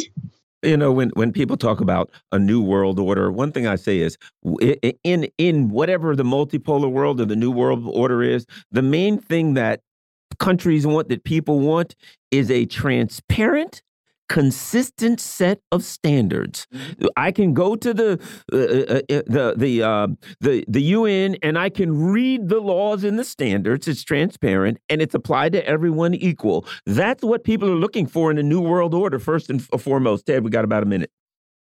Uh, well yeah it's what people generally want out of governance right they just sort of want to know what the rules are and try and they want those rules to apply for everyone and they want them to be well known and understood.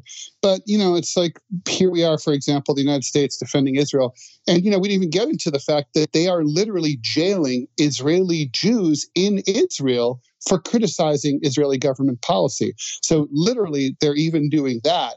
And you know, our government is completely silent about that, even as we're sending billions of dollars in additional aid to them. But Joe Biden told us last week that Hamas is attacking the democracy on its border and that President Putin is attacking the democracy on his border, even though we overthrew the democratically elected government on his border in 2014.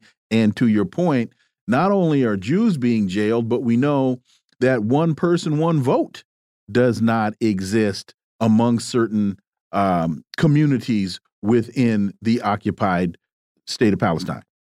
No, no, certainly it does not. And let's not forget the fact that this Ukrainian democracy does not even plan to have any elections. They canceled the parliamentary election, and the presidential uh, election is toast as well. So it's a funny democracy that doesn't have elections. There's a another uh, interesting piece, but, but, we'll have to pick that up uh, the next time we have you on. Uh, Ted Rall, as always, thank you so much for your time greatly, greatly appreciate that analysis, and we look forward to having you back. Thank you so much. Folks, you're listening to the Critical Hour on Radio Sputnik. I'm Wilmer Leon. I'm joined here by my co host, Garland Nixon. There's more on the other side. Stay tuned.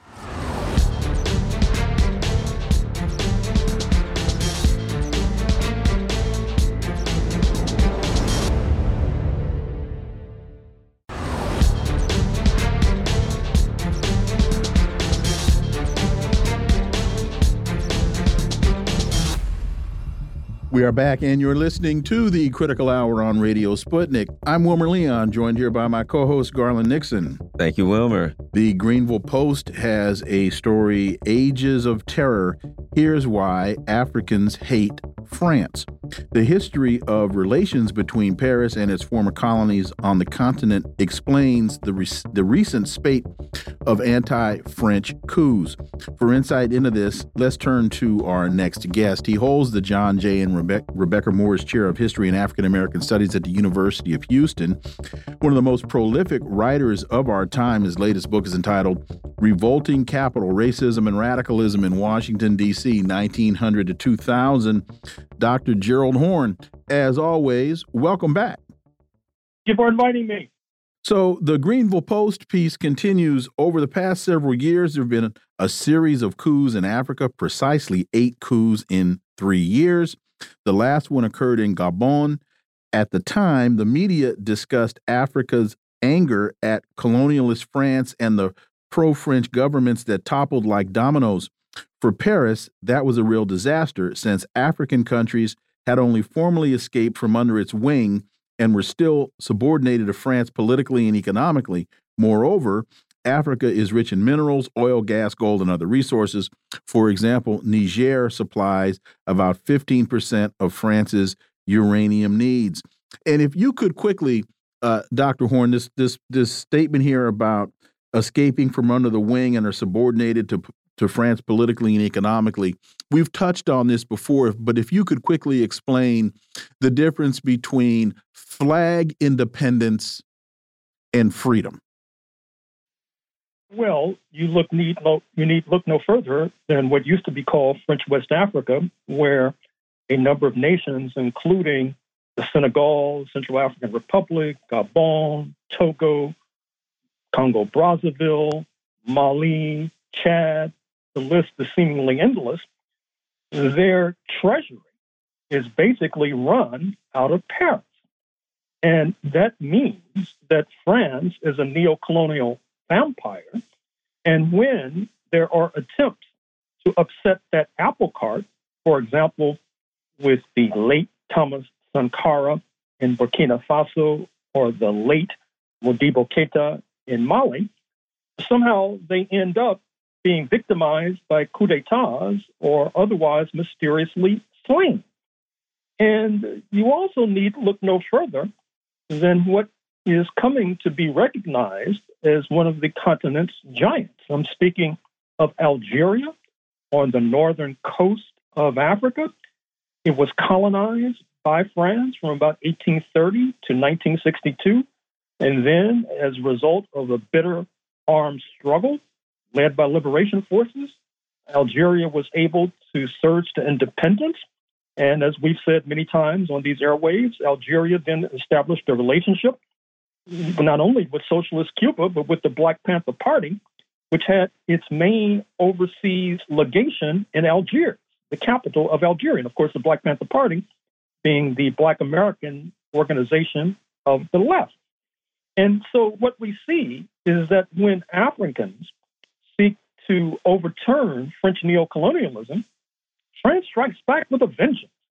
Uh, recall what happened in Madagascar, the giant island off the south, southeast coast of Africa, when you had a surge to independence and an overthrow of French colonialism and neocolonialism in 1947.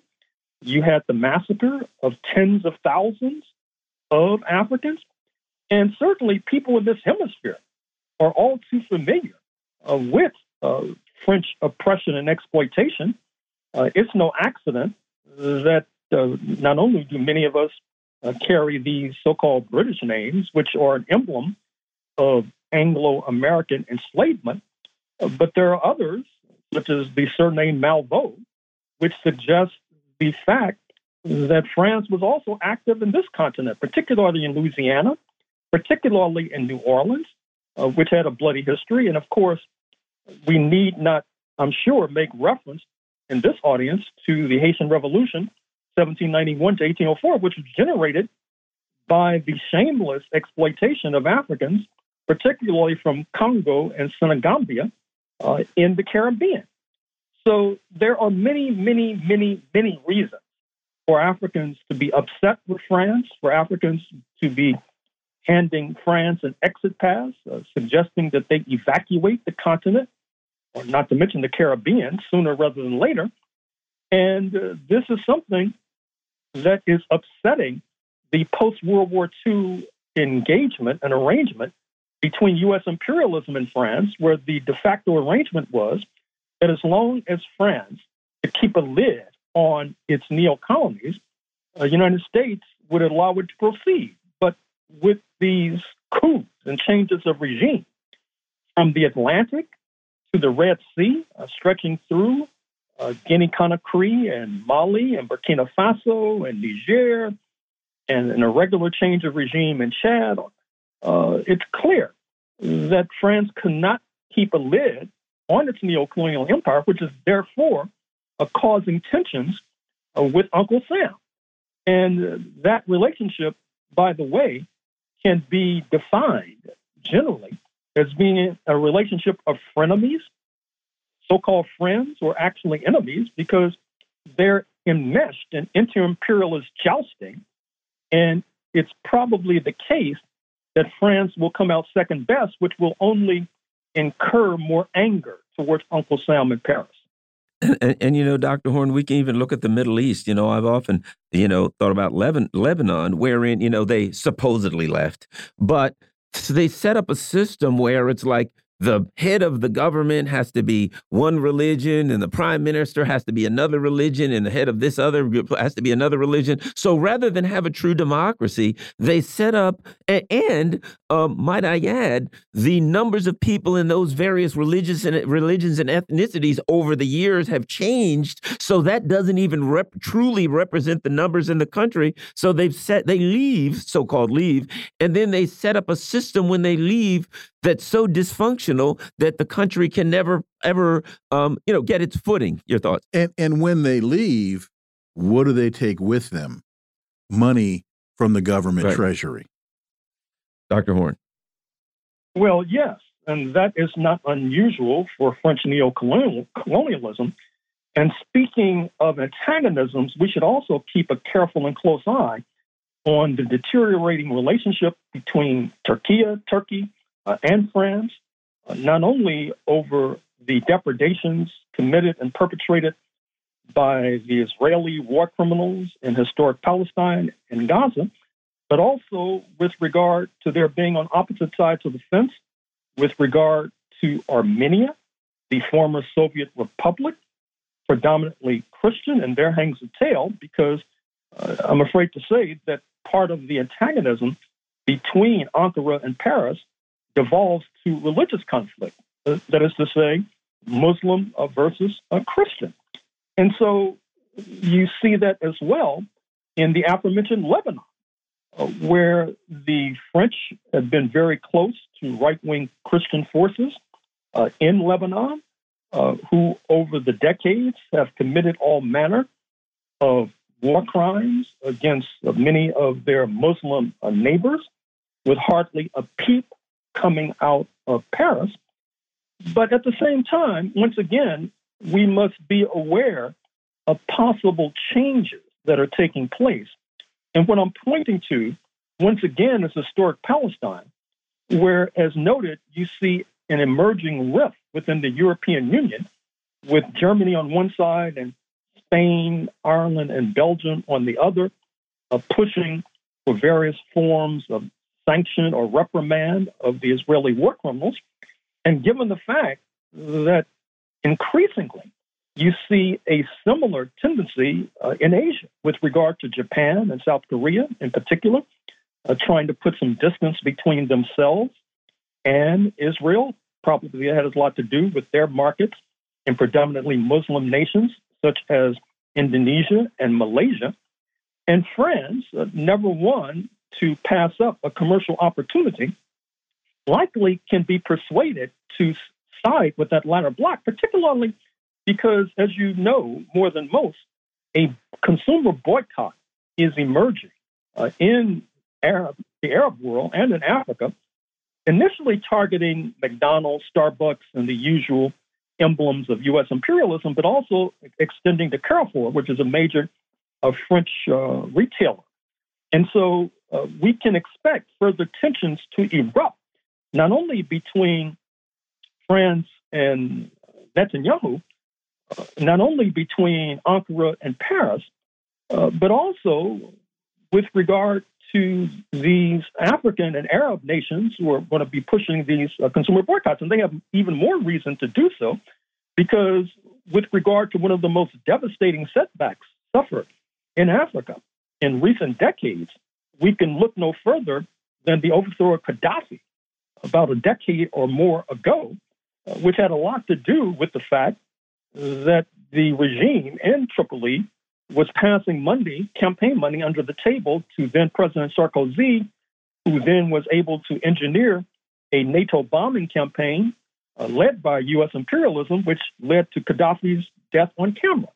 So there are many, many reasons why Africa is upset uh, with Paris, and that upset is extending increasingly to the Arab world. And as we wrap up, we've got just about two minutes left in this piece. They say on July 31st, 22, the government of Mali demanded that French President Macron abandon the principles of neocolonialism, above all with regard to economic control over the continent. And when you uh, when you boil it down to its to its base elements, when you look at the objectives of the U.S., when you look at the at the objectives of France and many others, it's simply to extract resources and exploit and repress the indigenous populations. And these coups are the legitimate resistance to oppression. Hamas versus the occupying force of the Zionist state of Israel, Hamas simply wants freedom for the Palestinians. The same way that those in Mali want, uh, and those in the Congo and, and, and those in Algeria, they want they want freedom for Algerians and etc. Dr. Horne. Well, speaking of natural resources, you need look no further once again than Niger and the uh, rather uh, publicized uranium deposits there, which go to fuel French electricity and turn on the lights in Parisian homes. Uh, with regard to Gabon and the change of regime there, we know that Total, the French uh, oil giant, was up to its neck with regard to uh, that particular event and still has this claws in the flesh of Gabon. And in terms of assessing the nefarious French role in Africa in particular, I think that you can draw reasonable inferences from the fact that a number of leading global figures have come from their opposition to French exploitation and neocolonialism. I'm thinking of Frantz Fanon, roots in the French Caribbean, so called, who surges to publicity and popularity, fighting against the French in Algeria before the independence of 1962. We mentioned Thomas Sankara and Burkina Faso. Of course, the Sekou Touré of Guinea Conakry. Guinea Conakry, of course, being one of the nations that is replete with bauxite, which is necessary for the production of aluminum. And so when you put all of these elements and ingredients together, you come to see why France is considered to be the vampire of the African continent, uh, sucking the lifeblood out of the continent, and now is getting an appropriate exit path from which it is seeking to escape. Dr. Gerald Horne, as always, thank you so much for your time. Greatly, greatly appreciate that analysis, and we look forward to having you back. Thank you. Folks, you're listening to the Critical Hour on Radio Sputnik. I'm Wilmer Leon. I'm joined here by my co host, Garland Nixon. There's more on the other side. Stay tuned.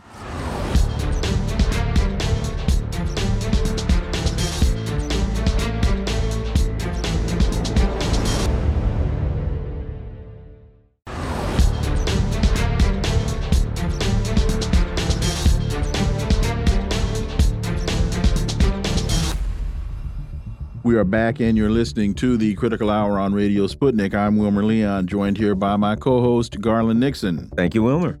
Naked Capitalism has a piece entitled, it's, it's by Yves Smith 200 years of the Monroe Doctrine is 200 too many. If the U.S. is serious about liberty and justice for all, respect for international law, and a rules based order that treats everyone fairly and even handedly, it's time to ditch the doctrine and its corollaries. For insight into this, let's turn to our next guest. He's a U.S. labor and human rights lawyer, writer, and activist. He's been a peace activist throughout his life and has been deeply involved in the movement for peace and social justice in Colombia, Venezuela, Nicaragua, and other countries in the global south. He's taught international human rights at the University of Pittsburgh School of Law since 2012. Professor Dan Kovalik, as always, welcome back. Thanks for having me.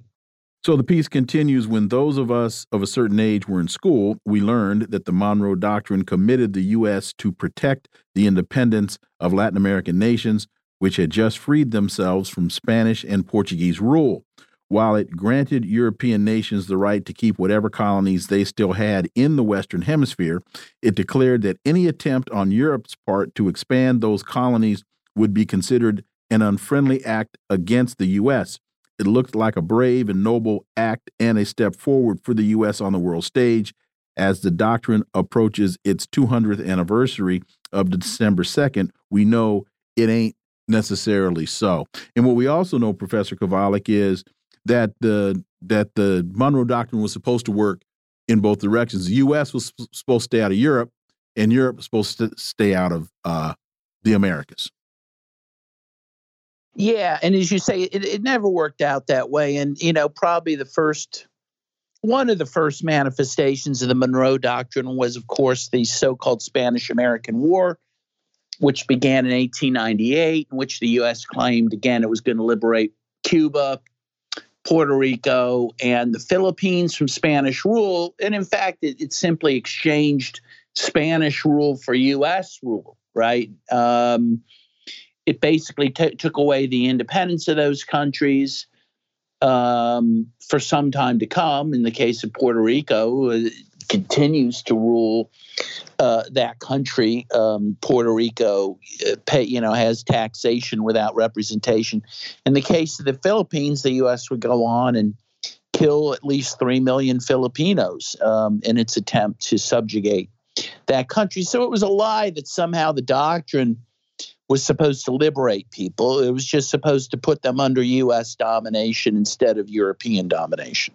You know, uh, of all people, Elliott Abrams. I was watching a while back a, a, a video of him talking during the 80s and he was talking about of, of uh, various you know nicaragua guatemala et cetera and he was saying yeah we lost that country to the communists and we almost lost that country but we're not going to lose this one. We'll keep this one. So he was speaking of those countries as simple possessions. It was obvious that the u.s empire saw these countries as the country itself as a possession. The people were expendable. In fact not only expendable in in many cases they were a pro problematic in you know that it, it, was a settler colonialism in that they didn't want to come in and move Americans into the country, but they kind of wanted the bananas and cacao and stuff like that.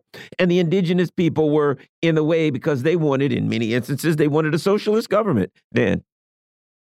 Yes, and in yeah, and it has to be pointed out. In few cases was communism ever a threat in these countries. It might have been social democracy or socialism, uh, but communism was rarely uh, at issue. It was a pretext for doing exactly what you said, taking over a country to maintain uh, the banana crops there, in control of country, of companies like United Fruit, which was the case for the U.S. overthrowing the government in Guatemala in 1954, or uh, maintaining the copper mine, control the copper mines in countries like Chile, uh, which of course uh, motivated the U.S. to overthrow um, pr- democratically elected President Salvador Allende in 1973.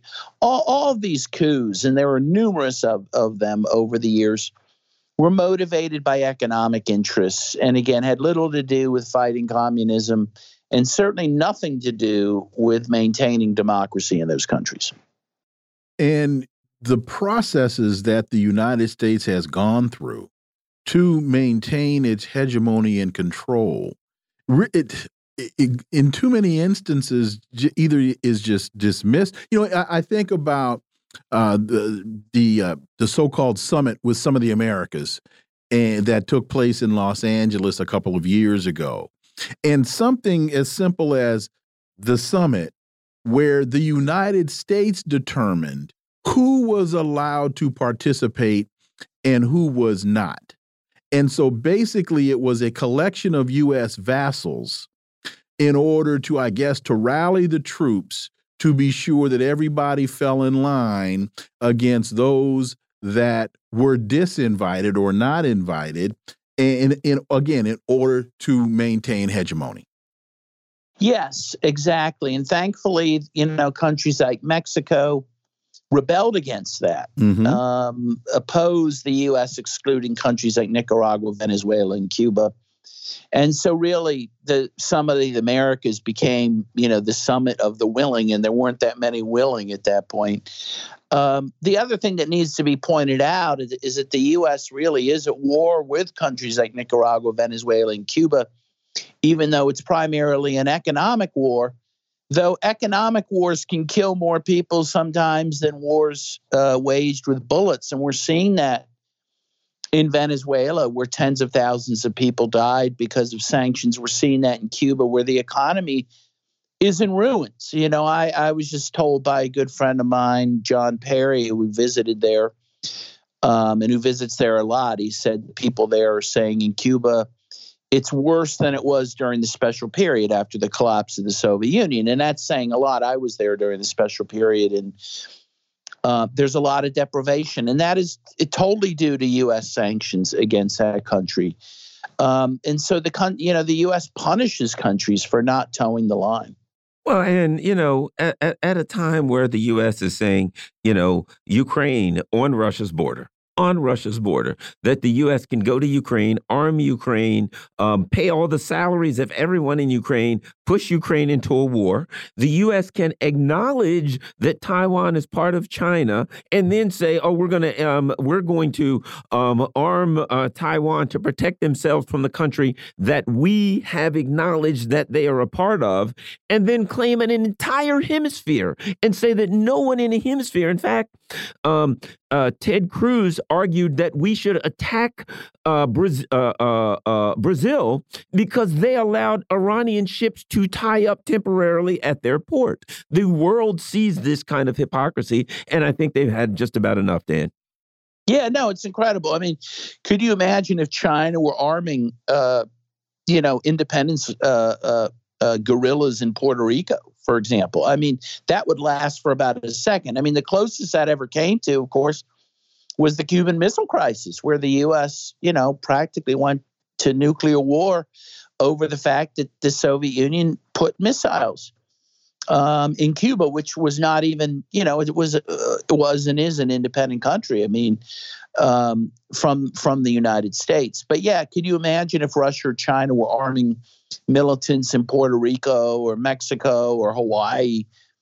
I mean, the U.S. just wouldn't stand for that. And and yet, as you say, it expects countries like Russia to to stand for that on its borders uh, with Ukraine or, or China to stand for it with Taiwan, which the U.S. even recognizes as part of, of China. So, but as you say, the world's not fooled by that hypocrisy, and uh, it's rebelling, and that's what we're seeing.